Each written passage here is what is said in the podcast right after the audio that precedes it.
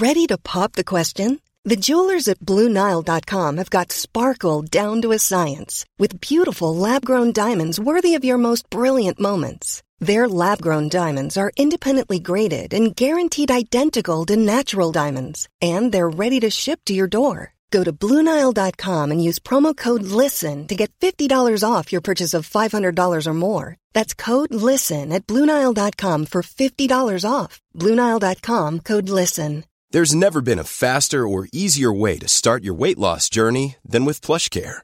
PlushCare accepts most insurance plans and gives you online access to board-certified physicians who can prescribe FDA-approved weight loss medications like Wigovi and Zepbound for those who qualify.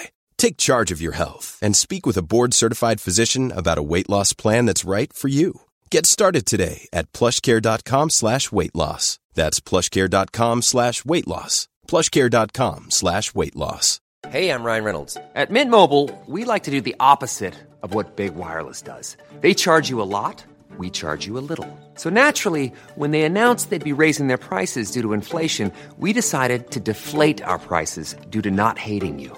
That's right. We're cutting the price of Mint Unlimited from $30 a month to just $15 a month. Give it a try at mintmobile.com slash switch. $45 upfront for three months plus taxes and fees. Promo rate for new customers for limited time. Unlimited more than 40 gigabytes per month. Slows. Full terms at mintmobile.com. För mig just nu, där jag är idag, det är precis där jag vill vara och har velat vara under lång tid. Alltså jag har ju alltid varit ganska karriärskåt ska jag säga. Jag har alltid tänkt att jag ska göra karriär. Och när någon säger till mig, vet du vad, här har du bollen, spring. Då det får mig att verkligen vilja leverera. Du kan inte gissa och tro att den som ska vara din chef är bra. Du behöver veta det. Precis som att de behöver veta att du är bra. Och det är ju bara total bullshit. Alltså du kan ju aldrig vara fullärd eller liksom inte växa av ett utbyte med en annan person.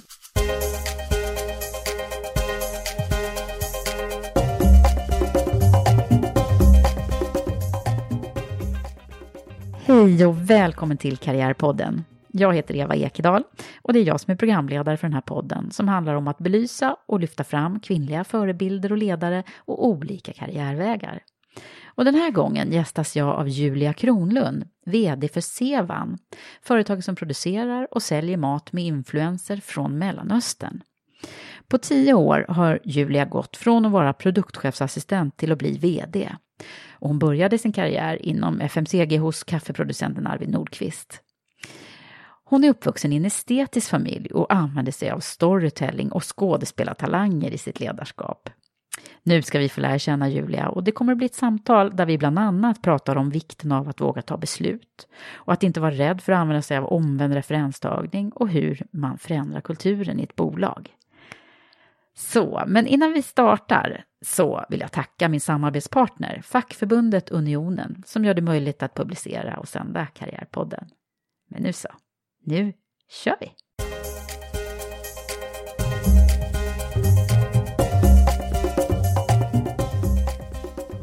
Julia Kronlund, välkommen till Karriärpodden. Tack Eva! Det känns så kul att du är här. Ja men och det känns så fantastiskt häftigt att vara här. Mm. Jag har ju lyssnat på dig så länge. ja, du har det. Mm. Och, alltså, jag tänkte att vi kan lika bra mm. berätta att vi faktiskt känner varandra. Mm. Fast det är en ganska ny bekantskap ändå. Mm. Eh, eftersom du har varit eh, en av de första deltagarna nu i Women for Leaders eh, Premium Leadership Program. Mm. Som eh, du precis har avklarat. Mm. Precis. Ja, nej, det, det var också fantastiskt. ja, men berätta, hur gick det till egentligen när vi... Nej, men jag, eh, jag, jag var mammaledig vid mitt andra barn när jag kände att jag behövde rejäl dos av inspiration och påfyllning. För jag har inte alltid Tyckte att det var så kul att vara mammaledig. Jag har känt mig ganska ja, men useless liksom så. Eh, och då började jag lyssna på Karriärpodden och alla de här fantastiska kvinnorna som du faktiskt har intervjuat. Ehm, och fick en enorm boost. Bland annat Lisa Nyberg blev jag så kär i så henne kontaktade jag ju med och frågade ifall hon ville ses på en peppkopp kaffe. Ja, du och hon, gjorde var- det. Ja, hon var ju så gullig och tog sig tid och sådär. Ehm, nej men och i samband med det så började ju ni marknadsföra eh, VFL-programmet. och eh, så jag kommer ihåg hur jag ringde till dig Mm. och jag stod på något torg någonstans i Sverige. Eh, jag tror vi skulle till Astrid Lindgrens värld med barnen. Men jag ringde till dig. Och då bara ringde du. Ja, ehm, och, och, och sen är det på den vägen. Och det har ju verkligen infriat alla typer av förväntningar. Så. Men, men därför så känns det extra häftigt Mm. Att vara här idag. Det är som att så här, för mig, nu är cirkeln sluten. Precis, det var här det började Ja, på något sätt. Ja. Och det känns, jag tänkte på det också, att det känns ju som vi har känt varandra ganska länge. Mm. Fast det är bara drygt ett år. Mm. ja, det är helt galet. Jag känner ju att jag känner dig eftersom jag har lyssnat på så många program. Ja, det är klart. Ja, men det, det är många Eh, som Nej gör men och det tror jag också, och det är väl liksom grunden i VFL-programmet, att mm, man under väldigt kort tid kommer varandra Mm. extremt nära för att man börjar med, eller ni börjar med en, en eh, session när man verkligen får öppna upp sig. Liksom. Mm. Och det, det är jättehäftigt. Och nu ska vi eh, göra lite av det Ja. i, i podden här. För Ja. nu ska vi få lära känna dig ordentligt, Julia Kronlund, som Mm. alltså är, jag frågade förut om, är du den yngsta eh, Mm. kvinnan som är vd inom FMCG? Men det var lite oklart, det vet vi inte, måste vi kolla upp. Ja, men, måste vi kolla upp. men eh, det är i alla fall så att 36 år gammal så Mm. är du nyligen tillträdd vd för Mm. Sevan. Mm. Eh, så det är inte så himla, när jag kollar på ditt CV så var ja då gick hon ut eh, studierna på universitetet Mm. och, och, sen har du gjort massor med spännande saker. Mm. Men det är ändå så att det, Ja, det är tio år, lite drygt då. det är Tio, en ganska tolv snabb år. resa ja. liksom ändå. Ja, jo men det är det väl kanske. Sen så har ju jag tidigt liksom sagt till mig själv att jag ska bli företagsledare. Kanske till och med innan jag ens visste om det verkligen var något för mig. Mm. Så att för mig just nu, där jag är idag, det är precis där jag vill vara och har velat vara under lång tid. Så, Mm. så att det känns ju jättekul. Men ska vi börja från början då? Var kommer det där ifrån? Liksom? Mm. Föret, att, liksom, att viljan och önskan att bli företagsledare. Det är ju egentligen liksom helt emot hela min familjs liksom eh, grundönskningar tror jag. Nej men alltså jag kommer ju från en familj som är esteter både på mammas sida och på pappas sida. Det har ju gjort att jag från barnsben har liksom fått så här okej fram nu, stå och sjung eller Mm. uppträd och så. Och jag tror att liksom det är få sjuåringar som har sett så mycket dans och teaterföreställningar som jag hade när jag var sju år. Och det är klart att det formar en. Eh, och, och jag visste ju ganska tidigt att jag skulle bli skådespelerska. Det fanns liksom ingenting annat för att jag tyckte det var så himla kul. Jag gick en estetisk linje i högstadiet och sådär. Men det var faktiskt min familj som sa vänta nu när jag skulle liksom in på gymnasiet och man skulle börja rikta in sig. Jag vet att farfar alltid har sagt så här, ska du bli skådespelerska, då måste du vara bäst. Det ska inte finnas någonting annat i ditt universum än att liksom spela teater. För konkurrensen är stenhård. Och på något sätt så kanske de var så kloka att de kände att mm, men så här, visst hon har talang men är det här verkligen liksom hennes allt? Mm. Och min pappa var också, jag minns att han sa så här, ja men du vet Julia, Lena Endre, hon började spela teater först när hon var, ja men 35 eller 40 liksom. Du Ja. kan ha, an, alltså det är bra att du skaffar dig bredare utbildningar och att du skaffar dig andra erfarenheter. Du ska spela teater om livet, ja men lär dig om livet då och inte Mm. bara Gud liksom vilka kloka. gå. Ja men så Ja. att egentligen så här, ja det är min familj som har liksom påverkat mig i den estetiska riktningen men det är samtidigt de som också har fått mig att själv inse Mm. att det var kanske inte det jag Mm. skulle bli. Det, men eh, det är ju väldigt tydligt att man direkt man träffar dig så, så märker man de här retoriska eh, talangerna som du har. Så att jag, jag, tänker att det är ju många som, som företagsledare som går och tränar hos skådespelare mm. och så för att de ska bli bättre på sitt mm. framträdande. Men du har det på något sätt i blodet då alltså? Ja, det, det, det, så är det väl liksom. Mm. Att jag, eller jag har ju övat hela mitt liv då. Ja. Alltså du kanske, så här, jag som sagt, eh, från barnsben så var det liksom eh, att, att titta mycket teater och mm. att få öva själv liksom. Så att det, har, det har alltid varit självklart. Men har du syskon? Oh, jag har en, en brokig familj. Mm. Eh, mina föräldrar skilde sig när jag var två år eller något sånt där. På pappas sida hade jag då två styvsyskon så. Mm. Och sen min mamma å andra sidan, hon och hennes man bestämde sig när jag var nio år där att eh, ta ett fosterbarn. Men är det några, det är några biologiska? Inga biologiska. Nej, Nej jag är ensambarn. Fram till nio års ålder är jag ensambarn. Så liksom. det är ja. Mm. Vad har det här betytt för dig då? Nej men dels så har det ju betytt att jag har fått stå väldigt mycket i centrum ska jag säga. Jag mm. har ju eh, framförallt kanske mycket med min farmor och farfar som har liksom tagit hand mycket om mig och liksom pushat mig och peppat mig att synas och höras och ta för mig. Så du är liksom stora syster i det här sammanhanget också? Eh, ja men det är jag ju mm. till Helena då som ja. på mammas sida. Det, och jag är väl verkligen så här klassisk stora syster som liksom ja, men, duktig och ordning och reda och mm. hålla ordning och ta hand om. Liksom. Mm. Det, det skulle Fyller i alla de där kriterierna. Ja, men det gör jag nog faktiskt. ja. det, det, måste jag nog säga. Men nu, om man skulle få en bild av liksom ditt, uh, din uppväxttid, och då ser man ju liksom det här, det verkar ju jättehäftigt tycker jag, vara i ett estetiskt sammanhang. Men hur, hur var det då när du växte upp? Kan du ge oss någon målande beskrivning? Eh, ja men det var ju, det var, dels så, jag är ju uppvuxen i Saltsjöbaden som ju är en, en förort i Stockholm som är väldigt välbeställd, mm. får man ju säga. Där jag väl tillhörde den delen som kanske inte hade det så himla bra. Jag, jag minns att vi liksom parkerade våran bil i, i en, i, i, högst upp på en backe för att vi skulle liksom kunna putta på den på morgonen för att den skulle liksom gå igång. Mm. Eh, så att det var väl liksom eh, lite, lite, kanske inte att jag reflekterade så mycket över det då, men, men så här i efterhand så har jag väl liksom tänkt på det, att, att det var inte självklart för mig det som var självklart för andra kanske, jag vet inte. Sen flyttade ju min mamma in till stan och jag har liksom varit uppvuxen i stan från egentligen lågstadiet och det var ju liksom en puls i det. Mm. Um, och det fan, hände ju, det var som man verkligen var i det hela tiden.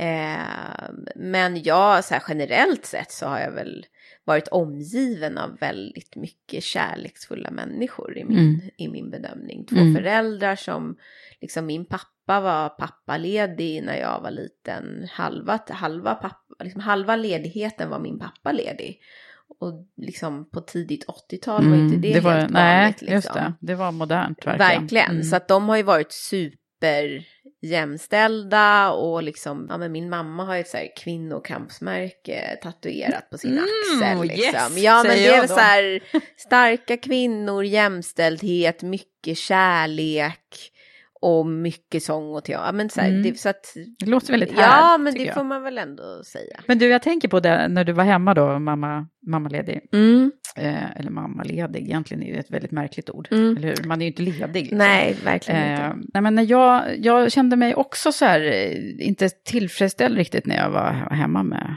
mm. med första barnet framför allt. Eh, vad är det som händer där egentligen? Vad, vad har du någon det är ju helt fantastiskt såklart och man älskar det här lilla barnet och liksom... Ja, men ja, och, och det är så viktigt att liksom inte sammanställa eller liksom likställa att man inte älskar sitt barn. För Nej. det är klart att man älskar sitt barn mer ja. än allt annat i hela världen. Men det känns lite så här dubbelt att man borde egentligen vara... Ja, man borde här, tycka att det är fantastiskt. Ja. Nej men jag kände ju det här att man bara ska sitta och mysa med sitt barn i famnen i soffan och inte inte behöva liksom tänka på så mycket måsten och hela det där. Det, det passar liksom inte mig. Nej. Jag känner mig, jag känner mig ganska... Of, jag gillar inte när jag känner mig oföretagsam, inte behövd, inte liksom får tänka tänka på grejer som är någonting annat än liksom byta blöja Mm. och kräks på axeln liksom. Mm. För någonstans så späs ju det här på när man då ska umgås också i mammagrupper där det enda man har gemensamt ofta är barnen. Och så ska man jämföra och så blir det, Ja. alltså det, är jag, jag kände mig väldigt isolerad Mm. och ensam. Eh, med mitt andra barn då flyttade vi samtidigt till hus ute i Täby. Och du vet när jag gick ut på morgnarna med den där vagnen, ja, det fanns inte en kotte ute. Liksom jag var van vid att stå i kö i Hagaparken till gungorna för att Ja. det var så mycket folk. Och här var det liksom dött. Mm. Eh, så jag, jag, jag, blev, ensam. ja, jag blev superdeprimerad alltså. Mm. Det, var, det var tufft både för mig och för min man, för vår relation blev ju Mm. också jättelidande av det där.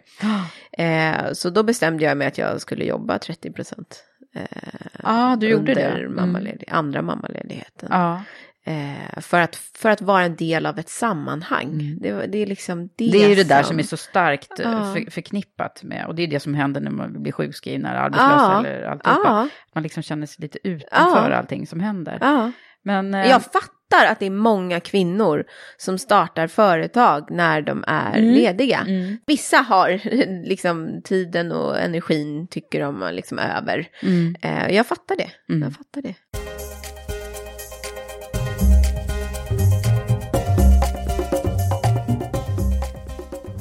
Om vi backar då till din, så att vi ska få en glimt av hur din eh, karriär gick till där då, Mm. för det varit mycket Mm. studier. Mm. Ja, det var det ju. Jag, när jag, hade, jag gick ut gymnasiet och hade liksom gjort bra ifrån mig gymnasiet Ja. med liksom bra Å- betyg. Årets elev. Ja, och så årets restaurantalare Ja. blev det där och hade väl pluggat en hel del och så. Var det för att du var extremt begåvad eller för att du var... Men jag tror att det var en blandning av att jag var, jag tror att den här sociala kompetensen hade en, en Mm. del med det. För jag tyckte att jag hade bra relation med många av lärarna och det här, liksom den här stipendiet då som jag fick, det hade dels med goda studieresultat att göra men också för att jag var en, ja som det stod, jag kommer inte ihåg, men en, en trevlig kompis och en uppskattad elev eller något Mm. sånt där. Liksom. Eh, men då kände ju jag att jag skulle göra liksom the American dream, åka till USA och plugga fyra år på universitetet och bara göra, göra hela den grejen. Så hösten efter att jag hade tagit studenten så drog jag till Kalifornien och till Santa Barbara. Som ju är precis så härligt som det ser ut på alla bilder. Alltså det är helt crazy. Ehm, men kände redan efter typ tre månader att det där var inte min grej. Jag tyckte alla bara gick runt i flipflops och surfbräda och Mm. bara var flummiga och rökte marijuana liksom. Vad är ordningen och Eller redan? hur? Och då kom hela min den här, men vad händer med vår utveckling och studierna? Nej men jag kände att jag, och det är ju ganska dyrt, då tror jag att dollarn stod i så här 11,50 och det var liksom, Mm. det kostade ju sjukt mycket pengar det här. Eh, och sen var jag nog ganska skoltrött tror jag efter gymnasiet. Så att jag liksom svansen mellan benen, så där, hej mamma, jag vet att jag sa att jag skulle vara borta i fyra år, men nu kommer jag hem efter Så ett det var halvår. inte så länge du Nej, var där? en, ha- en termin. Ja. Så på julen var jag hemma igen. Mm. Ehm, och, och jobbade då några år, eh, vilket nog var bra för mig att få liksom, jag flyttade hemifrån och jag blev liksom lite vuxen på riktigt, fick liksom tjäna egna pengar och sådär. Tills jag började känna mig sugen igen på att plugga, för det var nog ändå så här alltid i mitt huvud att jag skulle skaffa mig en akademisk examen. ja. Vilket också är märkligt för att så här, eller märkligt, jag, ehm, det var inte givet. Jag kommer inte från en så här, jo visst min pappa är liksom eh, doktor i teatervetenskap så att det är ju inte Mm. liksom några dumhuvuden så. Det är ju liksom eh, har pratats väldigt mycket om det i min familj så, men, men inte liksom var absolut, det här med att jag vill plugga ekonomi. ja. Varför? Det, båda mina föräldrar tycker det typ är det tråkigaste som finns i hela världen. De Och det var precis vad du Ja, gjorde och det då. skulle jag göra. Liksom. Ja. De fattar ingenting. Eh, och därför så tror jag också att jag, och det upplever jag genom hela min barndom och min, även senare i livet. Mina föräldrar har alltid varit så här, du ska göra det du tycker är kul. Det är det viktigaste liksom. Skit i allt annat, skit i Mm. att tjäna pengar, skit i och så här, du ska ha kul för det är då du kommer gå långt.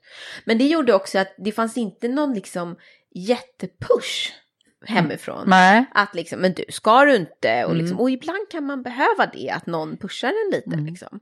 Så att jag upplever att jag har ganska mycket fått pusha mig själv. Mm. Och fått driva mig själv i vart jag ska och vilka liksom, ja, mål jag ska klara av. Men det där är ju rätt intressant för att eh, jag som har intervjuat många människor även innan Karriärpodden i, Mm. i, i jobbsammanhang så Ja. är det ju ofta så att eh, man väljer ibland en motsatt liksom, Mm. strategi. Eh, och då kan det vara i sig liksom en, en drivfjäder. Ja, som visst. man inte riktigt kan förstå liksom, varför Nej, alltså, det blir så. Nej men- men verkligen, och jag hade nog kunnat så här, äh, spela musik, spela lite teater, haft ett rätt så här äh, flummigt soft liv. Och mina Mm. föräldrar tyckte att det var precis lika bra som att vara vd. Mm. Liksom. Eh, men så att, så att jag var ändå liksom bestämde mig för att jag ska ha en akademisk examen och det ska vara ekonomi. Eh, utan att jag hade klart för mig exakt vad jag skulle bli, för det hade jag nog inte då. Och då började jag ju på universitetet med internationell ekonomi, för var det någonting som jag gillade så var det ändå det här med att liksom ut i världen och testa Mm. lite nya grejer och så. Och då hade jag ju varit i USA och kände att det inte var min grej, så då tänkte jag att nej, men då, åker jag till, ja, då åker jag till motsatsen och åkte till Kina. Ja, precis. Kina. Mm. Macao. Ja, Macao, som egentligen är så här fake Kina. Det är inte ens riktiga Kina, det är bara ett enda stort Las Vegas, Macao. Det är så här Är det så? kasinostad. Då var det väl inte riktigt lika som det är nu. Ehm, Var det sån här utbytes... ja, det var ju en termins utbyte och sen skrev jag min master i Shanghai. Ehm, så att jag fortsatte ju lite där sen. Ehm, men Kunde var det ha blivit Kina eller? Ja, men jag hade nog lite, det var mycket snack om att så här, kan du kinesiska och kan du hantera liksom den kinesiska kulturen, då hade du så här oanade karriärmöjligheter. Och jag, är, alltså jag har ju alltid varit ganska karriärskåt ska jag säga. Jag har alltid tänkt att jag ska göra Mm. Det är karriär. så bra att du är med i Karriärpodden Ja, känner jag. precis. Förstår ni vad jag får bekräftelse av att vara här? Ja. Ehm, nej men så då tänkte jag så här, jaha, men det tycker man är bra. Så då trodde jag, men sen insåg jag, jag fortsatte, jag läste ju då mandarin när jag var där. Ja, du gjorde det? Ja. Mm. Kan sen- du något nu eller? Nej men jag har glömt det mesta. Aha. För sen fortsatte jag, jag kan då. inte checka dig. Nej, att- gör inte det. Säkert någon som lyssnar som kan, Mm. så att det är bara dumt att göra bort sig. Eh, nej, men så sen fortsatte jag att plugga hemma på kvällstid. Men liksom, det går inte att lära sig ett språk genom att sitta i Sverige och ha traggla kinesiska glosor. Liksom. Så då la jag lite ner det. Så sen efter universitetet, när jag liksom tyckte att så, nu ska jag göra karriär 2006, då var ju arbetsmarknaden bara tok död. det Mm, fanns typ inga det. jobb att få. Den var inte så Och det kul var då. superstressande för mig. Jag som liksom tyckte att jag skulle liksom ta bra jobb och också kanske lite bevisa Mm. att jag hade liksom gjort rätt val när jag hade liksom gått den här vägen istället. Ja, det låg en liten bevisbörda ja, där. Mm. absolut. För jag har ett enormt bekräftelsebehov. Mm. Så att för mig var det viktigt att hela tiden få den där klappen på axeln. Gud vad duktig du är. Mm. Det, har, alltså, och det låter ju jättelöjligt, men det är viktigt för mig. Mm. Ja, det är ju bra att veta om det Man, precis, för när man vet det då kan man hantera det på ett Mm. annat sätt. Och Mm. man kan också vara tydlig med sina chefer och liksom Mm. de man har omkring sig. Att vet jag, för mig är inte det monetära det viktiga. Det Nej. viktiga är feedbacken och att du Mm. ger mig det här och det här. Liksom. Ja. För det är då jag strive och får energi. Precis. Liksom. Så att man får... Man och det får har vi ju alla människor mer eller mindre. Mm. Men det, det är bara Mm. att en, en del går mer igång Mm. på... Det gäller att se Ja. sanningen i vitögat. Mm. Liksom. Vad gjorde du då? då? Ja men då tänkte ju jag att nu ska jag få något flashigt jobb. Det pratades ju lite om så här management consultants och Accenture och alla Som det de gör där. för de flesta Som det, Ja, precis. Och så dök jag på ett så här management trainee-jobb på en så här, ett bolag som sålde mm, med, alltså vad, vad säger man, bevakning, alltså företag kan ju sätta bevakningar på det som skrivs om dem, Ja, eh, typ. mediebevakning. Ja, just det. Liksom, så. Mm. var ganska, och det var inte helt liksom, vanligt då, men, eller det var det väl, men det här var också digitalt. Liksom.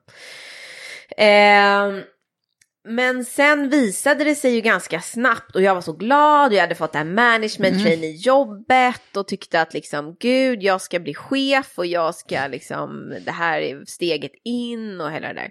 Och sen efter liksom bara någon vecka så insåg jag ju att så här huvud arbetsuppgiften i det här jobbet det är att sitta och göra cold calls till liksom, företag och försöka sälja den här tjänsten. Ah. Och det var inte vad du hade förväntat Inte dig? alls, Nej. inte alls. Och jag mådde så dåligt och jag liksom, du vet, jag grät när jag gick till jobbet. Och efter tre månader så kände jag så här, det kan inte vara så här. Det, det, liksom, jag kan inte utsätta mig själv för det här. Varken jag eller min arbetsgivare mår bra av det här. Så då mm, sa jag upp mig utan att ha ett annat jobb. Och det var, Och det var ganska snart? ja det var ju bara tre månader Ja. efter att jag liksom hade Mm. tagit jobbet och Mm. efter att jag hade gått ut. Ehm, och det var så tufft för mig. För mitt själv, jag fick verkligen ett törn i mitt självförtroende. Att Mm. liksom, Dels pallade jag inte med. Dels eh, liksom, hade jag liksom gått och pratat om det här jobbet som Mm. inte alls var vad det var. Det blev liksom, ja det blev Ja, en så här första nederlaget. Ja, riktigt så. Magplask verkligen. Mm. Eh, men sen började, sen så fick jag, sen fick jag ett annat jobb som ekonomiassistent. Och där var jag också bara i typ två månader innan jag fick ett annat jobb inom energisektorn som analytiker och konsult typ. Och det var väl liksom det första jobbet där jag ändå kände att så här, ja men det var ett riktigt, Riktigt jobb. jobb. så. Eh, Men det här är ju faktiskt, hoppas jag, väldigt bra för våra lyssnare att få höra. Att det, Mm. kan, det kan se ut så här lite ja, grann i början. Ja, Och det, det gör inget, för att man, Nej. kommer, man måste prova lite olika Ja. vägar. Liksom. Ja, och det är inte givet att liksom du får de där jobben i början. Det är liksom inte Nej. det. Och då får man ju liksom börja hitta andra vägar och kanske mer gå på bolag man tycker är intressant men kanske ta en annan typ av Mm. tjänst eller harva lite liksom. Ja. Ehm, Så du harvade på det här energi... Eh, ja, sak. men där var jag ju liksom i ett och ett halvt år eller något sånt där, tror jag, ett år kanske. Ja, Jag var inte där så länge. Nej. Och då öppnade sig ju dörren för mig på ett företag som heter Arvid Nordqvist. Och där, det var, det var första gången som jag kände, aha, nu vet jag vad det är jag ska göra. Ja, För, för det hade inte jag, jag hade inte, jag visste att jag ville bli chef och ledare. Ja. Men jag hade ingen aning om inom vad och, och Vad så. var det som var attraktivt då inom, för då var det första jobbet inom FMCG Ja, det var det ju. När jag ser tillbaka så har jag varit mycket i underdog-situationer. Att jag har kommit till liksom kanske ett litet varumärke som ska liksom framåt. Och då kom jag och fick jobba i ett team som, som arbetar med ett barnmatsvarumärke som heter HIP barnmat. Mm. Ekologisk barnmat. Mm. Och som då var så här, men gud det är ingen som kommer vilja köpa ekologisk barnmat. Liksom. Det var Semper och Nestlé, liksom. Ja. det var de två stora. Eh, så vi var ju verkligen så här, slog i underläge. Ehm, men det var liksom, det förenade allt jag tyckte var kul, mat, det gick snabbt, jag fick ta beslut, det var, jag fick ansvara för liksom, pengar, jag fick se saker hända. Mm. Det förenade väldigt mycket av Och det, det, det påverkade väldigt mycket vad du gjorde. Verkligen. Man ser resultat Gud ja, det gick snabbt liksom. Mm. Jag kunde se att nej, men nu hade vi det där mötet och då hände det här. Och jag var den som liksom såg till att det, det genomfördes. Mm. Ehm, så att ja, det var jättehäftigt att få den uppenbarelsen. för då kunde jag också så här, bra, nu har jag hittat min bransch, nu har jag hittat det jag ska göra, nu gäller det att liksom gasa på här. Liksom. Ja. Men Julia, var det andra saker där som betydde, alltså, förutom själva produkten och, och det här, hur, hur var ledarskapet? Mm. Fanns det sådana saker Mm. som påverkade? Att just Ja, du... jag hade ju en, en, när jag började då så hade jag en, en kvinnlig chef som heter Frida Keen som är, ja hon är väl någon höjdare på Coca-Cola idag tror jag inom hållbarhet och, och corporate responsibility. Som var, ja men det är klart att man, hon var ju min första riktiga chef som jag verkligen kände så här wow, henne, henne ska jag bli som. Liksom. Ja, du såg upp till Ja, henne. Mm. jättemycket. Hon var super, hon var liksom, det var inte någon myskvinna, alltså hård och rättvis, men vi kunde ändå liksom sen mellan, mellan jobbet ha det kul och skratta och hon Mm. lät mig göra väldigt mycket och testa på väldigt mycket. Så att hon, hon var ju... Hon var en förebild. Ja, hon var en förebild, Mm. absolut. Apropå det, liksom. Mm. för det är också en grej som ju Precis. kommer fram väldigt Mm. tydligt genom eh, Karriärpoddens alla samtal, att, att, man, att det är värdefullt. Verkligen. Mm. Och sen, för det ska jag säga, och det är ju verkligen viktigt. Sen, sen fick jag ju en chef som heter Ola Liljeqvist som är, var marknadschef på Arv Nordqvist och är marknadsdirektör idag. Som också var, vi klickade också jättebra och han var, har också varit väldigt tillåtande och liksom låtit mig testa mina vingar. Och det har jag verkligen växt med. Mm. Alltså när någon säger till mig, vet du vad, här har du bollen, spring. Då, det får mig att verkligen vilja leverera. Och det är ju det här med liksom att man på något sätt så frigörs potential Ah. genom att man gör Ah. så. Och så kan det bli liksom sån hävstångseffekt om man, om man vågar göra det till rätt förstås personer Precis. som, som går igång på det här. Ja. Men det Tänker kan... du på det själv idag i ditt ledarskap? Ja, men alltså jag, jag brukar tänka att jag är en, alltså mitt jobb är att jag är en storyteller, apropå det här med liksom, liksom det estetiska och skådespelare. Mm. Jag, jag är ju en storyteller som ska få liksom min organisation att vilja springa åt det hållet som jag vill att vi ska springa genom att jag inspirerar dem, genom att jag pushar dem och hela det där. Men jag är en generalist. Jag är inte en specialist. Så att de som jag omger mig med, min ledningsgrupp bland annat, de är ju skitduktiga på det de ska vara skitduktiga på. Mm. Mycket tiotusen gånger bättre än vad jag är. Och då är det ju också så häftigt att liksom säga, vet du vad, jag kan, så här, jag kan inte. Mm. Du, tala om för mig hur det är vi ska göra. Sen ska jag ha jättetydligt, så här, vi ska hit. Mm. Det är de här resurserna vi har. Men så här, du får göra det på ditt sätt. Mm. Och det tror jag att jag, alltså jag lockar nog den typen av människor som gillar det typet av ledarskap. För det är jag ganska tydlig med i rekryteringsprocesser också. Mm. Att så här, du ska, det handlar ju också om vad man är i för typ av bolag. Mm. Nu är jag i ett bolag där vi ska ja, men, utvecklas och är på en förändringsresa och det kräver att vi ba, banar ny mark. Precis. Då måste personerna som kommer in ha, liksom bring something to the table på något sätt. Och, och verkligen bidra, eh, snarare än att vi tar in och ska forma och stöpa. Och liksom, det är inte där vi är nu. Nej. Så att jag hoppas verkligen att jag leder genom eh, liksom, inspiration, engagemang och motivation. Men att man känner att man får Mm. För det var det du, du själv mådde så bra Ja. Men det, det kanske är så det funkar i ledarskapet, att man, man har lärt sig när man, vad man själv har för...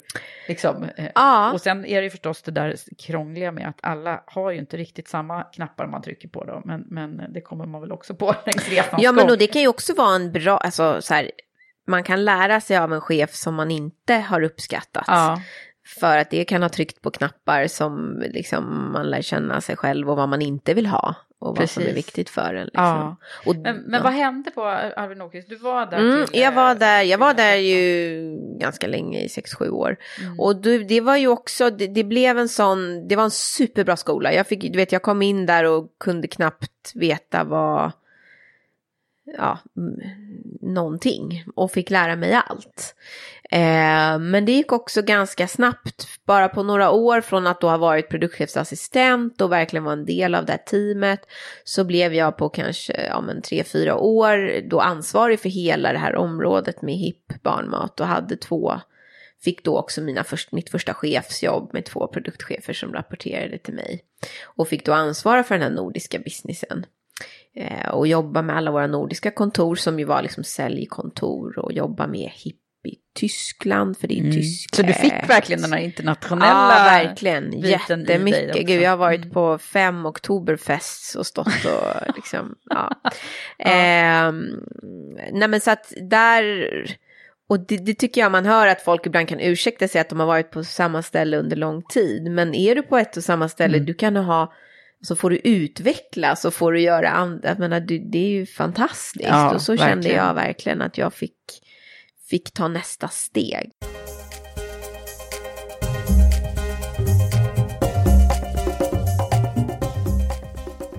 Vad var det som fick dig att byta då 2013? When you're ready to pop the question, the last thing you want to do is second guess the ring. At Bluenile.com, you can design a one of a kind ring with the ease and convenience of shopping online. Choose your diamond and setting. When you find the one, you'll get it delivered right to your door. Go to Bluenile.com and use promo code LISTEN to get $50 off your purchase of $500 or more. That's code LISTEN at Bluenile.com for $50 off your purchase. Bluenile.com code LISTEN.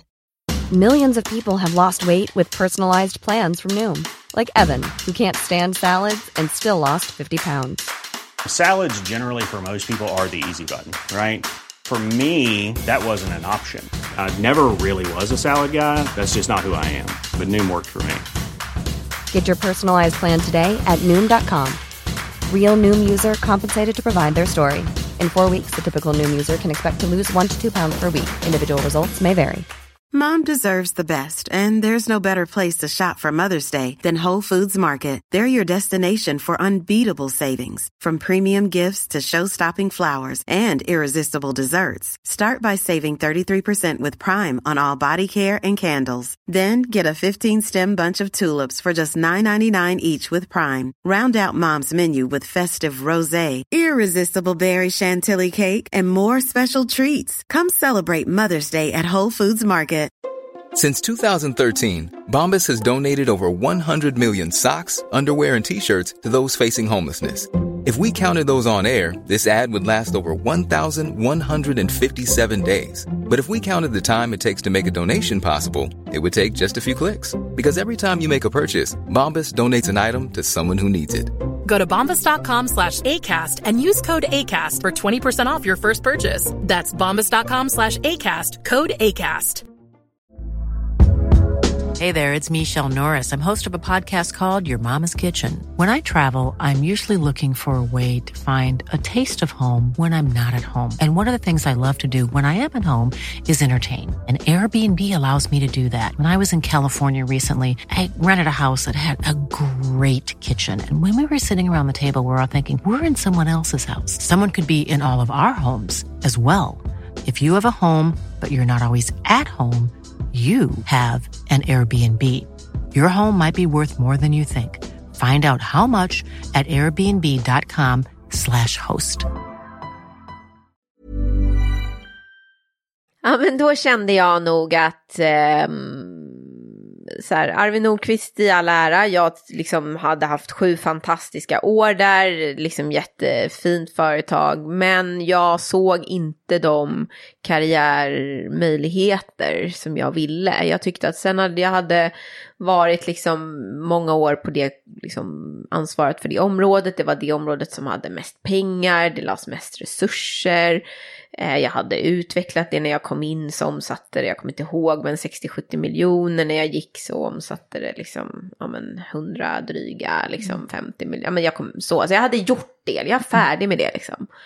Så att, och så kände jag att jag ville ta ett större ledarskap, en större ledarskapsroll. Så. Mm. Mm. Så att det var naturligt och jag menar så tidigt i sin karriär så behöver man Byta. testa nya Mm. saker. Liksom. Så, det du var- behövde ingen som liksom pushade dig till detta? Nej, Det föddes fram av Ja, och det egen- var ju också det här som jag tror för många när man går på mamma, eller Mm. Mammaledighet då.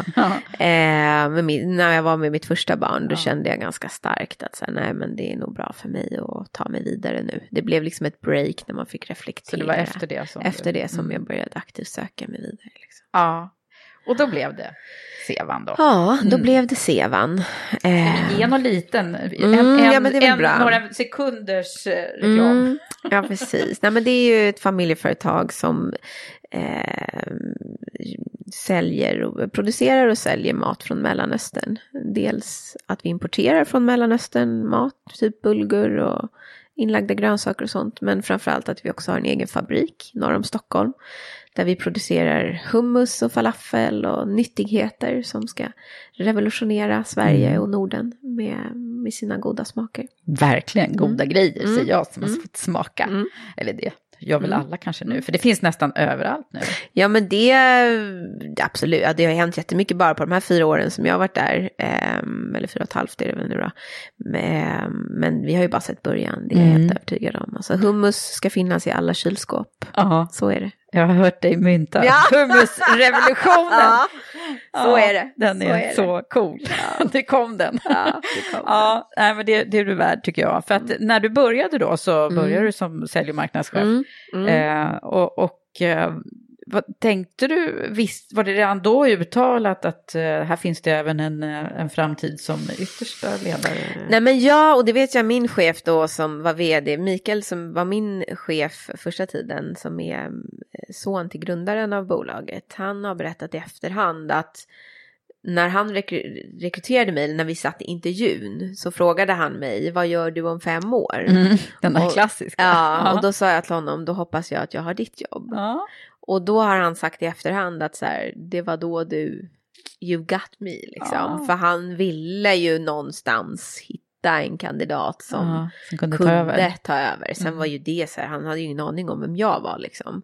Men jag tror att han började väl redan då se sig om liksom efter Mm. rätt efterträdare så, utan att jag visste om det. Men det var inte Häftigt. alls självklart, och det ska jag också liksom, det kan vara bra också att säga att du vet så här på pappret, Sevan, eh, så här, ingen visste vad det var, det var liksom, jag vet att rekryteraren som rekryterade in mig sa så här, ja gå in på deras hemsida och ring till mig om du fortfarande är intresserad. Och då vet jag bara, vad då säljer de knark eller vad är det frågan om liksom? Ehm, och, och det var liksom eh, jäkla osexigt varumärke. Ehm, men, och jag vet att jag pratade med min man, så här, vad är det, ska jag ta det här? Och, och även sen när jag sa upp mig så vet jag att det var någon på Arvid som bara, men gud varför går du till Sevan? Mm. Liksom. Eh, så att det var ju liksom... Det är återigen underdog. Ja, Mm. precis. Och det som gjorde det, det var att jag klickade så jäkla bra med den här Mikael, Mm. alltså min chef. Mm. För han var bara så här, du vet, Och han är då ägarfamiljen. Ja, som sagt då. Mm. precis. Så att det, och då, det var han som gjorde att jag vågade chansa liksom Mm. på den här super-underdoggen som det ju var och fortfarande är ska jag säga. Mm. Så att det, det var ju jättespännande. Ja, men men så- jätteläskigt. Men du- sen är det ju också det här med familjeföretag Ja, och gå ja, in och då ja. är det ju liksom en, en, en styrelse som Mm, består av familjen mm. delvis. Eller? Ja, helt. Helt. Om Ja. jag får säga vad jag tycker så ska vi ta in externa. Ja, just det. Nu sa vi det. Nu skickar jag vidare Ja. det. Eh, men det måste vi så småningom. Mikael ska bara landa i det beslutet tror jag. Ja, Eh, men det är ju en, en, en ganska stor utmaning brukar det Ja, vara. Att komma in verkligen. som extern vd Ja. och sen är det en familj. Som, Ja. hur, hur eh, axlar du det här? Nej men jag tror att för mig, och det vet jag att jag även sa på intervjun, att så här, det kan inte vara så att vi tar ett beslut idag och sen går ni hem och äter söndagsmiddag och kommer tillbaks och har rivit upp det beslutet. Då är inte jag med på det här. Mm. Och det har inte varit en enda gång under de första liksom, fyra åren, tre åren som, som jag har överhuvudtaget känt att jag inte har haft 100% mandat. Nej, okej. Så, är familjen har liksom super liksom, prestigelösa, ödmjuka, liksom superduktiga. Mm. Men, men de förstår att ska vi få det här bolaget att bli någonting annat, Mm. då måste vi ta in extern personal och lyssna på dem. Mm. För det är ju det de behöver. Mm. Och det gör de verkligen. Men, men det är klart att det är svårt för mig, jag menar pappa Herac som, som har grundat bolaget, som liksom... Vi- Vilket land kom Libanon. Libanon. Eh, De är armenier men han är uppvuxen i Libanon. Eh, Att liksom tala om för honom att liksom min grundstrategi går helt emot vad hans liksom livsfilosofi har varit i företagande. Det är inte så himla lätt. Eh, men någonstans så vet jag ju också att jag har ju jobbat hos dem nu i fyra år och de har ju satt mig på den här positionen just för att jag ifrågasätter och går min egen väg och liksom. Och de har ju också fått se dig då in action ett antal Precis. år i, i den rollen. Ja. Eh, Ja, men du, det. blev ju eh, ganska så här, eh, jag, jag var så mm, fascinerad över att det var också planlagt på ett väldigt, eh, så här långsiktigt när Mm. du fick reda på att du skulle Mm. tillträda eller Mm. tackade ja. Mm. eh, Så Mm. var det ju ganska lång Mm. plan. Mm. Så det var inte så här från en dag till en annan. Nej, utan du har ju fått verkligen, och Ja, det passar ju så bra att du under det Ja, året det har, var- har varit, hängt med oss på Women for Leaders. Men Det var ovärderligt. Alltså det kan jag verkligen säga. Det var ovärderligt. Nej men jag, jag fick suga på den karamellen jättelänge och sista månaderna var jag nog rätt trött på det liksom. För då har man ändå gått och liksom gjort klart sina tankar så. Men, men det var väldigt bra. Mm. Att få tänka på, okej vad är det för bolag jag vill driva? Vad, Mm. vad är det för kultur jag ska liksom skapa eller försöka få till?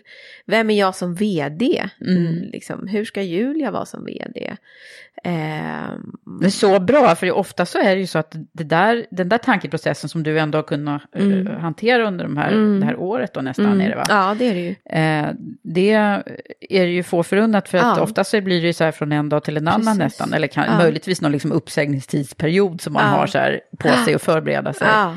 Så de här hundra dagarna som man brukar säga, det kanske kan gå fortare. Ja, alltså... Ja, för mig, nu kan jag nästan så här i efterhand känna hur skulle jag ha klarat av det här om jag inte hade fått den här liksom prepptiden innan. För jag kände mig så väl rustad när jag, när jag liksom klev in. Sen var det ju fantastiskt också att Mikael i samband med det liksom tyckte att det var en bra idé att jag skulle gå någon typ av ledarskapsprogram. Även om jag har gått eh, lite ledarutbildningar och sådär innan så var ju det här någonting mycket mer gediget. Ehm, Så det gjorde ju verkligen att jag i alla de liksom diskussioner, övningar, liksom frågeställningar som vi hade kunde jag hela tiden klä på dem på sevan. Mm. Liksom. Och ehm, ja, det... Ja, man riktigt liksom såg hur du var som en respektiv, liksom, Ja. ja det där, Ja. alltså du Ja. tog, tog till. eh, Sen är det ju så här, ställena man tror att saker ska vara, liksom att det ska vara på ett visst sätt och sen när man kommer ut i verkligheten så funkar det på något annat sätt.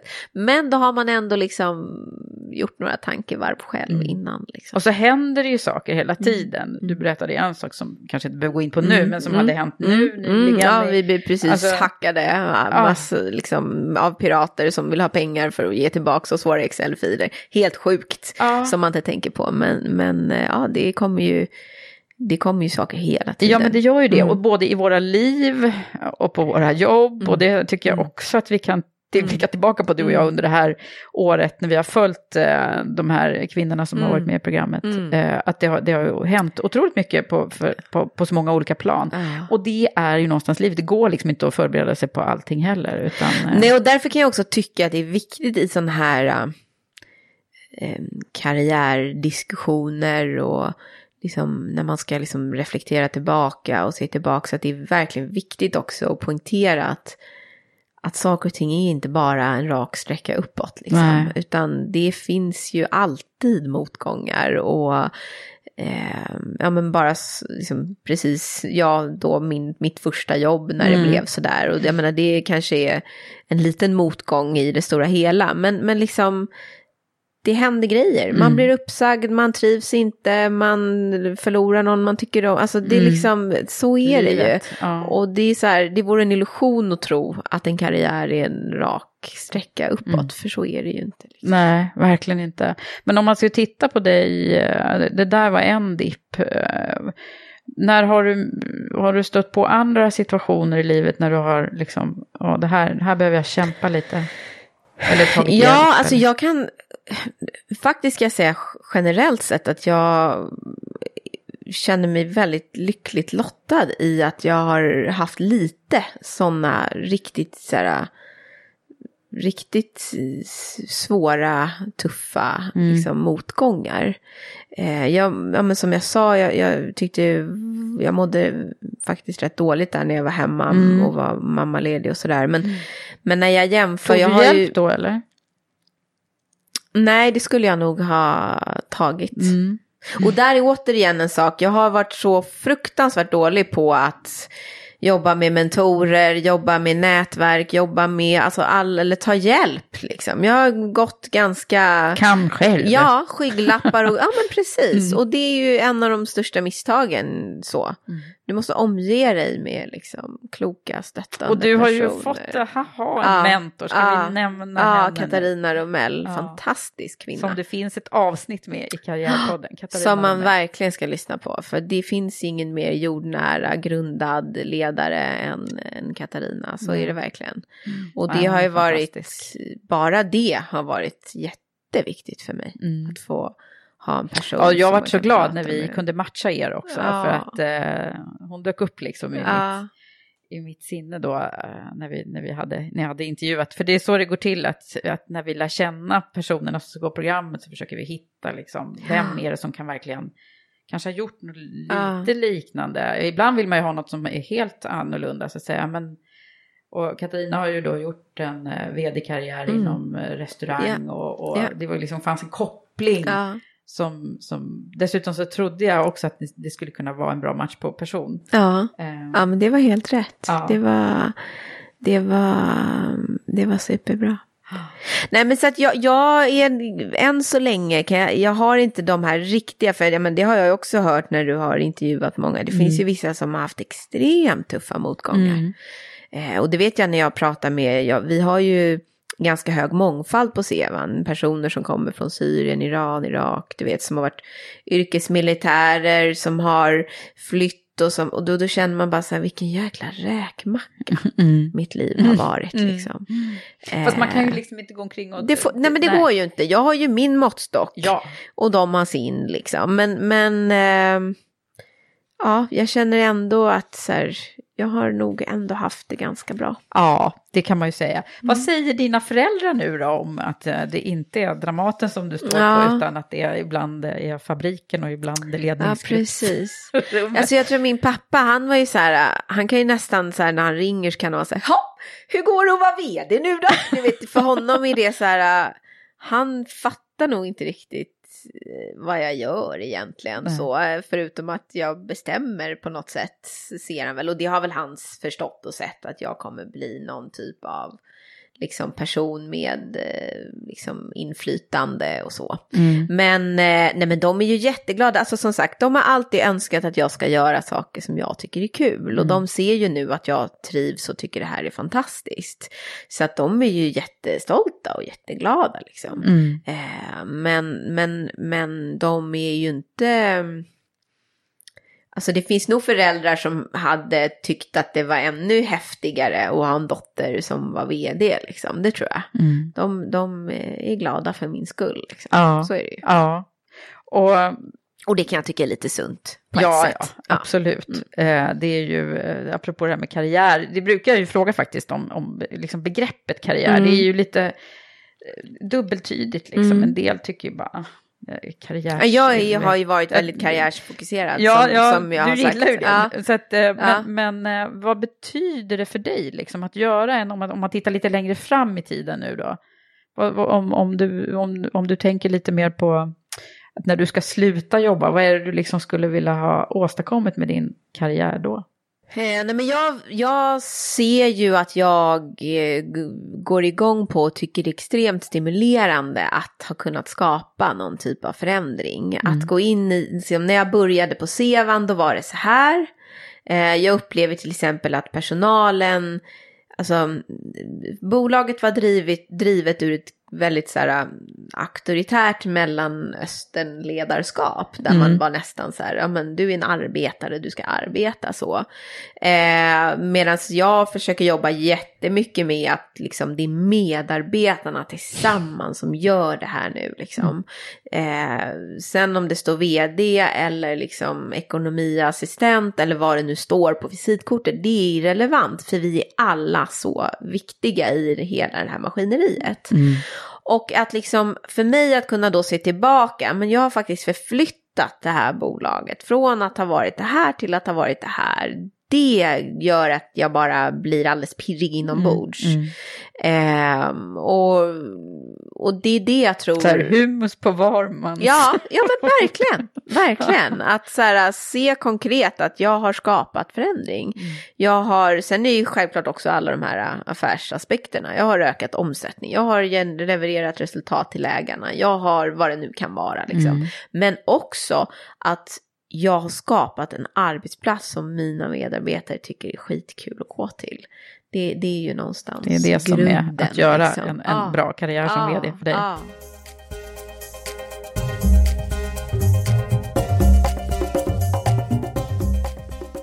Du, eh, branschen då, eh, FMCG, Mm. eh, hur, hur, är, hur är det i, i den generellt sett? Ja men alltså karriär? det har ju traditionellt då om man säger typ dagligvaruhandeln, det har Mm. ju traditionellt varit en, en väldigt mansdominerande bransch, Mm. extremt alltså. Eh, Det är ju himla märkligt egentligen. Ja. Det, Mat det är så här och liksom, ja precis, det nej är men verkligen. Ja, ja. Men det har varit mycket, mycket, mycket fok- det är säljfokus, mycket fokus på sälj och säljare Siffror, ja. och liksom, och det tenderar ju män att liksom vara, mm, liksom, ja, jag vet inte, ligger närmare till hands för män, jag vet inte varför, men, och sen, men det har varit ganska liksom manlig jargong och gubbigt sådär, Mm. upplever jag. Mm. Men också att branschen de senaste åren, alltså bara sedan jag började liksom i branschen 2007 till idag har det hänt väldigt mycket. Mm. Eh, det, var, det var faktiskt lite kul för när, när branschen hade, branschförbundet hade en, en stor sammankomst här i, i eh, våras. Då var Magnus Uggla och, och sjöng. Mm. Och då sa han det att så här, ja, jag var här för fem år sedan, då var det nästan bara män här. Nu är det faktiskt ganska mycket kvinnor här, Ja, vilka framsteg okej. ni gör. Så han gjorde en Så liten, han kunde, eh, ett till och med överslag. han kunde se Ja. att liksom det hade hänt någonting. Så att eh, det är klart att eh, det börjar hända. Sen så vill man ju också att det ska finnas kvinnor i de här eh, ja, men linje, liksom, rollerna, Mm. säljrollerna. För det är de som sen blir de ledande liksom, eh, personerna. Inte bara marknadsförare eller Mm. ekonomi eller Nej. HR liksom. Eh, och där, ja men det, som sagt, det händer grejer. Men, Har du, eh, stöter du på, eh, jag brukar ju fråga dig liksom, hur är det? Har du stött på några bekymmer i ditt liksom, ledarskap? Jag tänker på, det här är ju en väldigt modig familj då måste man ju Ja, ändå säga, som, om, om man nu går ifrån det här Mm. lite mer traditionella till att, för jag vet ju också att eh, du har en kvinnlig kollega som är fabrikschef, Mm, mm. Eh, svensk tjej Nej men det här är ju, jag, och när jag blev då sälj och marknadschef på Sevan, då hade jag ju en åtta månaders dotter, en, ett barn dessutom. Så att så här, chansen att jag inom kort skulle skaffa ett till barn var ju ganska stort liksom. Mm. Och det var ju, nej men alltså nej, det, det, det- är ju Mikael då, förra vdn, han är ju fantastisk med Ja. Han ser ju starka kvinnor och även Ola Liljeqvist då på Arvid som var min Ja. chef innan, samma sak där. Liksom, starka kvinnor, de, de, hade ju, de har ju fattat grejen. Ja. Så att nej, jag har, alltså jag har haft väldigt tur Mm. med chefer. Och jag säger tur och det är, för är det någonting som jag verkligen liksom vill uppmana till och som jag försöker liksom vänner som ska ta nya jobb och så vidare. Det är att verkligen använda sig av omvänd referenstagning Mm. gentemot sin chef. Alltså du kan inte gissa och tro att den som ska vara din chef är bra. Du behöver veta det. Mm. Precis som att de behöver veta att du är bra. Mm. Och det har ju då jag inte själv praktiserat. Men det känner jag ju i ett nästa steg så kommer det vara avgörande. Ja. För jag ser ju att hur Mikael har varit mot mig, hur Ola har varit mot mig, det har ju varit liksom förutsättningen för att jag har kunnat liksom växa och utvecklas. Så det här som återkommer hela tiden i karriärpodden, så här, Ja. välj din chef, Ja. är, det är liksom, men Det är avgörande. Det, det är ju faktiskt sant. Precis som välj din man, alltså det är Ja. avgörande. Mm. eh, för att du ska kunna liksom eh, växa. För du, du orkar inte göra ett bra jobb samtidigt som du ska bryta glastak och liksom bana ny mark. Alltså det, det, det, ja, alltså det är klart att vi ska göra det. Hela tiden ska vi göra det. Men ja, det blir så mycket lättare när du har personer Mm. som kan lyfta dig och hjälpa dig. Liksom. Och du har ju pratat mycket om det här med sponsorer. Liksom, ja, ja som precis. liksom och det blir ju, en, en. en, chef kan ju vara en, en sponsor, eh, eh, ska ju egentligen vara Mm, det så att mm. säga. Men ibland behöver man ju ta hjälp av ytterligare Mm, eh, människor runt omkring. Verkligen. Men det låter som att vi håller på och, summerar lite av dina bästa Mm. råd Mm. och tips och så. Mm. Ja, nej men det är ju dels det här med omvänd referenstagning. Mm. Det tycker jag praktiseras alldeles för lite av. Mm. Och att man som eh, kandidat eller liksom ja, men arbetstagare känner sig lite man är bara så glad att man får det där jobbet så man vågar inte vara jobbig och ställa frågor. Mm. Nej. Alltså det är nonsens. Mm. Och jag kan känna det, de personerna som jag har rekryterat som verkligen har varit noga med att de, så här, jag vill veta att jag passar in här, att ni är den typ av arbetsgivare som jag vill ha. Det är ju den personen man känner sig. Man "Men verkligen vill Du är ha." seriös, du är liksom Ja. noggrann. Så att det är ju verkligen ett super Det där, ja, men, eh, jag, jag har säkert sagt det flera gånger i podden, men, men jag tänker på eh, man, omvänd referenstagning är ju jättebra, men man kan också be att få eh, en intervju med, Precis. med chefen lika Ja, väl som de. Verkligen. Eller med någon som rapporterar till chefen. Ja. Sen är det väl svårt, det, det är inte alltid liksom att det är, jag menar, de vill sälja in sitt företag kanske. Nej. Men, Ja, men, eh, men man ska göra research, Ja, helt klart. Alltså. verkligen. Mm. Bra grej. Mm. Mm. Vad har du mer som du, som du så här, för det, det är så bra att tänka på, vad hade du, eh, du som också då var lite sökande där i början, liksom, vad hade du Mm. behövt höra för Åh, jag hade behövt så mycket. Du hade behövt gå VFL ännu? Nej, det hade ja, du inte. nej men då var jag inte redo för det. Ehm, nej men jag tror också, dels det här som jag har också pratat om faktiskt i VFL-gruppen, där vi har liksom haft personer som man känner stångas lite varje dag Mm. och försöker verkligen liksom försöker få utlopp för sitt ledarskap, försöker bli hörda, försöker liksom eh, ja, men, få till det de vill. Men man känner att så här, men vet du vad, den där energin, Mm. lägg den någonstans där den uppskattas. För det finns så mycket bra chefer där ute, så mycket roliga arbetsplatser, så mycket fantastiska företag. Mm. Det är lite som jag själv där, så här, jag skulle inte varit kvar på, eller jag var ju inte det heller, jag sa ju upp mig, liksom våga göra det. Mm. Och också det här att när man väl har fattat ett beslut, att våga agera på det liksom. Och inte tro att ja, men jag väntar lite till och jag känner efter lite mer, utan så här, agera. Och det gäller ju inte bara med att man ska att man ska mm, hitta rätt arbetsplats, utan det kan ju även vara så här, ja men jag vet att den där medarbetaren egentligen inte ska vara på den där positionen. Mm. Mm. Ja men då vet du det. Agera vå- på det då. vå- Våga, våga göra det då. Ja. Eh, för det blir, och det har också varit min erfarenhet, ju längre jag har väntat och trott och hoppats, för man vill och hoppas och det är obekvämt. Men det blir inte bättre liksom, Nej. utan agera då. På Att det. våga ta Att ställning. våga, liksom. ja, våga Mm. ta beslutet. Mm. Eh, för ju mer tid du förlorar, desto jobbigare blir Mm. det på något sätt. Mm. I allt. Ja, verkligen. Eh, Det där kan man ju tänka på i alla aspekter. Ja, men hur Som många att gånger har man ska inte jag tänkt... våga flytta liksom från hu- huset? Ja, ja, Ja. Nej, men eh, Ja. det var en tanke som jag fick i huvudet nu när du sa Ja. det. Mm. det vågar du Eva. Jag lovar jag vågar, dig. Jag vågar. Det är Ja. fint men du vågar. Ja, vad har du mer?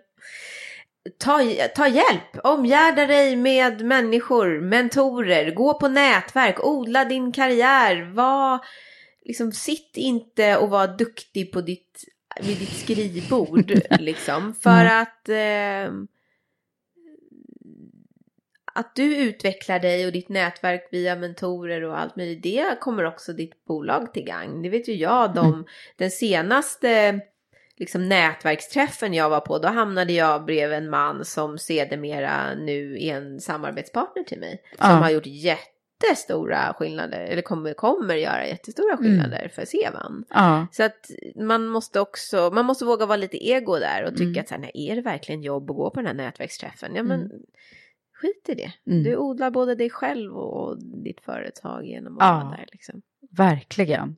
Det där tror jag att det är bra att man får höra ganska tidigt också. För Va? att Ja, men man, precis. Eh, tror kanske att det, det där...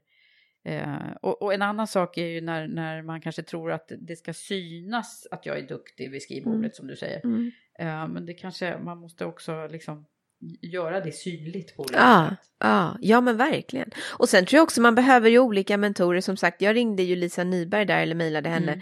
när jag hade tankegångar kring det här med kulturen och hur kan man förändra en kultur? För hon pratade jättemycket om det. Mm. Det var supervärdefullt för mig där och då. Mm. Men nästa gång kanske jag behöver ha någon som jag kan bolla någonting helt annat med. Mm. Och att man verkligen vågar ta kontakt med de här personerna. För ofta är folk väldigt eh, generösa Mm. Och vill hjälpa till. Ja. Liksom. Men så är det ju faktiskt. Mm. Det vet man ju själv också. Mm. Det är ju jätteroligt. Mm. Jag, jag får ju ganska många frågor. Ja, men jag, det kan jag tänka mig. jag hjälper till så mycket jag kan Mm. och hinner. Mm. Men om jag inte svarar på något mejl nu så får ni inte bli Ja, men arga. Men jag precis. gör faktiskt så, så, så gott jag kan där. Ja.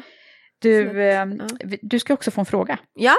Eh, för jag har ju en samarbetspartner som Mm. heter Unionen. Eh, och de driver ju bland annat frågor för att fler privatanställda tjänstemän ska få det lite bättre på jobbet och möjlighet till kompetensutveckling, trygghet och en schysst arbetsmiljö. Och de skickar alltid med en fråga och eh, den där frågan växlar lite men, men just nu så handlar den om just kompetensutveckling. Mm. Så då undrar jag, det är ju lite kanske knasigt just nu då, men hur ser du till att få egen kompeten- kompetensutveckling? Ja men tyvärr så tror ju jag att, eller så har det varit för mig i alla fall på de bolag där jag har varit och jag tror att det är ganska vanligt idag att kompetensutveckling på många sätt ligger hos individen att se till att man får. Eh, det är fantastiskt på de bolagen där det finns liksom, ja men nu gör vi det här och sen om ett år då ska du få gå det här och sådär. Men jag tror att det är mer liksom eh, undantag än regel att det är så. Och då hamnar det ju, som du säger, på individen att säkerställa det. Eh, nu har jag ju precis faktiskt fått gå en fantastisk, ett fantastiskt program. Ehm, men jag vet också att jag tidigare i min karriär när jag har liksom bett att få mentorer och så har fått höra att så här, men gud du behöver väl ingen mentor, det går som går så bra för dig. Och så har man tänkt så här, men gud det kanske är jättelöjligt med en mentor och liksom sådär. Och det är ju bara total bullshit. Mm. Alltså du kan ju aldrig vara fullärd eller liksom inte växa av ett utbyte med en annan person. Mm. Så dels så tror jag att man faktiskt ska ta sin egen kompetensutveckling i sina egna händer. Mm. Kolla runt, vad finns det för olika typer av utbildning? Och det behöver ju inte vara liksom 150 000 kronors utbildningen, det kan vara 20 000 kronors kursen. Liksom. Mm. Ehm, men man måste ta ansvar för det själv, tyvärr, eh, ofta.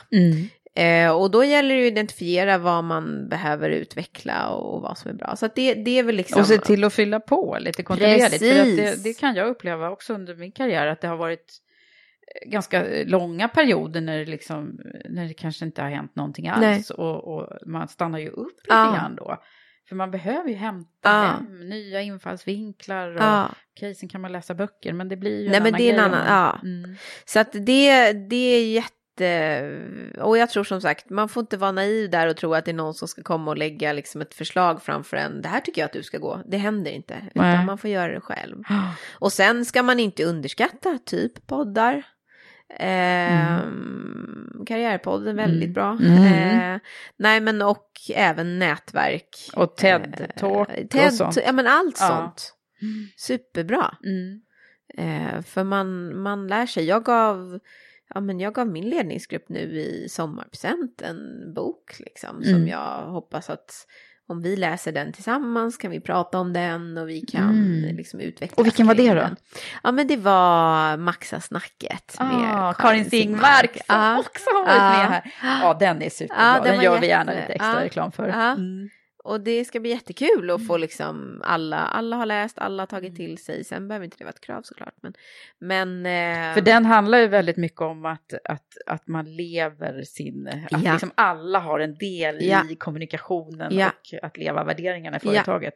Jätteviktigt. Eh. Och det är ju min devis verkligen. Att så här, det är inte något litet papper eller skrivbordsprodukt som så här, jag har hittat på, utan vi måste leva det här allihopa. Ja. Och inte minst, för det är det som också är så intressant i hennes bok, så här, hur förhåller vi oss till det här nu när samhället har förändrats jättemycket Precis. med det digitala. Och Ja. Vi kan inte ha en liten kommunikationsavdelning som liksom ska ge riktlinjer för sociala Nej, medier, liksom, nej. utan det måste vara större än så. Ja. Så att, eh, nej men jag tror så här kompetensutveckling är ju så mycket. Det behöver inte bara vara utbildning, utan det kan ju vara att just bara sitta ner och prata med en klok person Mm. som ger jättemycket. Mm. Fylla på banken, olika, man har olika behov också, olika liksom, tider i livet. Mm. Julia, det ska bli så roligt att få fortsätta följa dig i din framtida karriär. Och jag, jag är övertygad om att vi kommer få humus på, i alla kylskåp och på Ja. alla bord om du får råda. Ja, ja nej, men det ska vi. Tack så jättemycket för att du har varit med här idag. Tack så jättemycket för att jag fick komma, det var jätteroligt.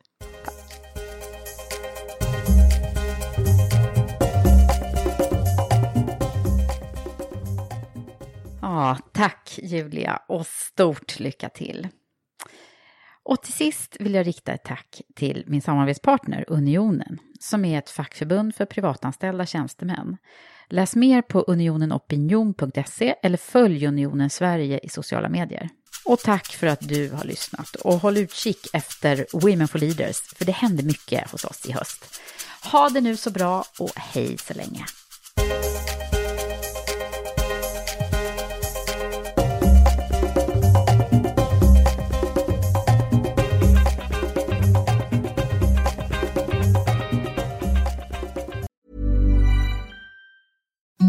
Imagine the softest sheets you've ever felt. Now imagine them getting even softer over time. That's what you'll feel with Bowl and Branch's organic cotton sheets. In a recent customer survey, 96% replied that Bowl and Branch sheets get softer with every wash. Start getting your best night's sleep in these sheets that get softer and softer for years to come. Try their sheets with a 30-night guarantee. Plus, get 15% off your first order at bowlandbranch.com. Code BUTTERY. Exclusions apply. See site for details. Hi, I'm Daniel, founder of Pretty Litter. Did you know cats tend to hide symptoms of sickness and pain? I learned this the hard way after losing my cat, Gingy. So I created Pretty Litter, a health monitoring litter that helps detect early signs of illness by changing colors, saving you money and potentially your cat's life. Pretty Litter is veterinarian developed, and it's the easiest way to keep tabs on your fur baby's health right at home. Go to prettylitter.com and use code ACAST for 20% off your first order and a free cat toy. Terms and conditions apply. See site for details.